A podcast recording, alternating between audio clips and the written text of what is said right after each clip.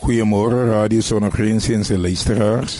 Ek wil vanoggend met u praat oor die onderwerp vergeet wat agter jou is. Breek die ou vas van die verlede oor jou lewe.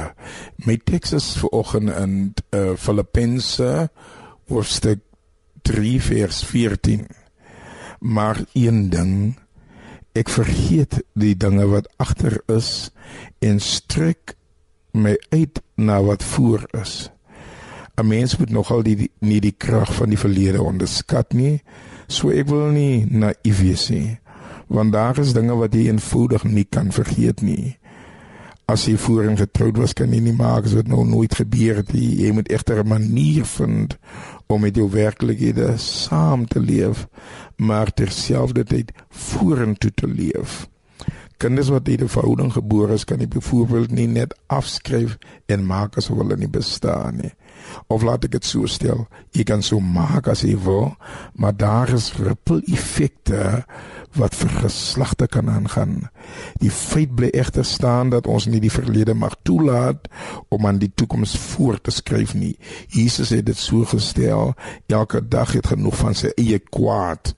Weerens moet ons besef ons het 'n verantwoordelikheid ons om ons lewe te bestuur.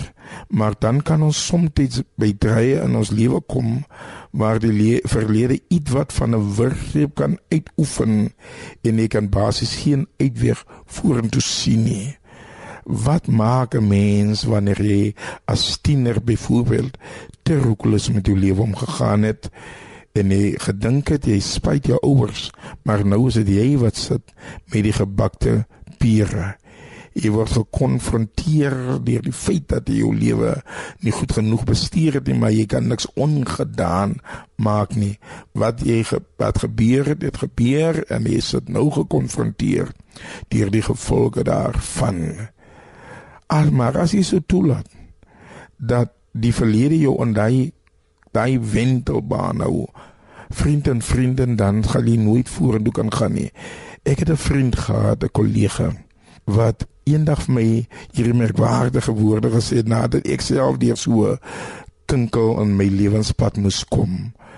Hy het my die woorde gesê na Kolumbia toe sê hy my uh o vriend jy het uiteindelik daardie saak dood geleef.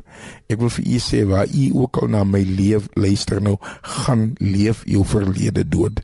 Kom ons bid. Vader, ek dank U dat ons nie slagoffers van die verlede hoef te bly nie. Daar is miskien nog pyn, maar selfs in pyn is ons vasbeslote om die verlede dood te leef. Amen.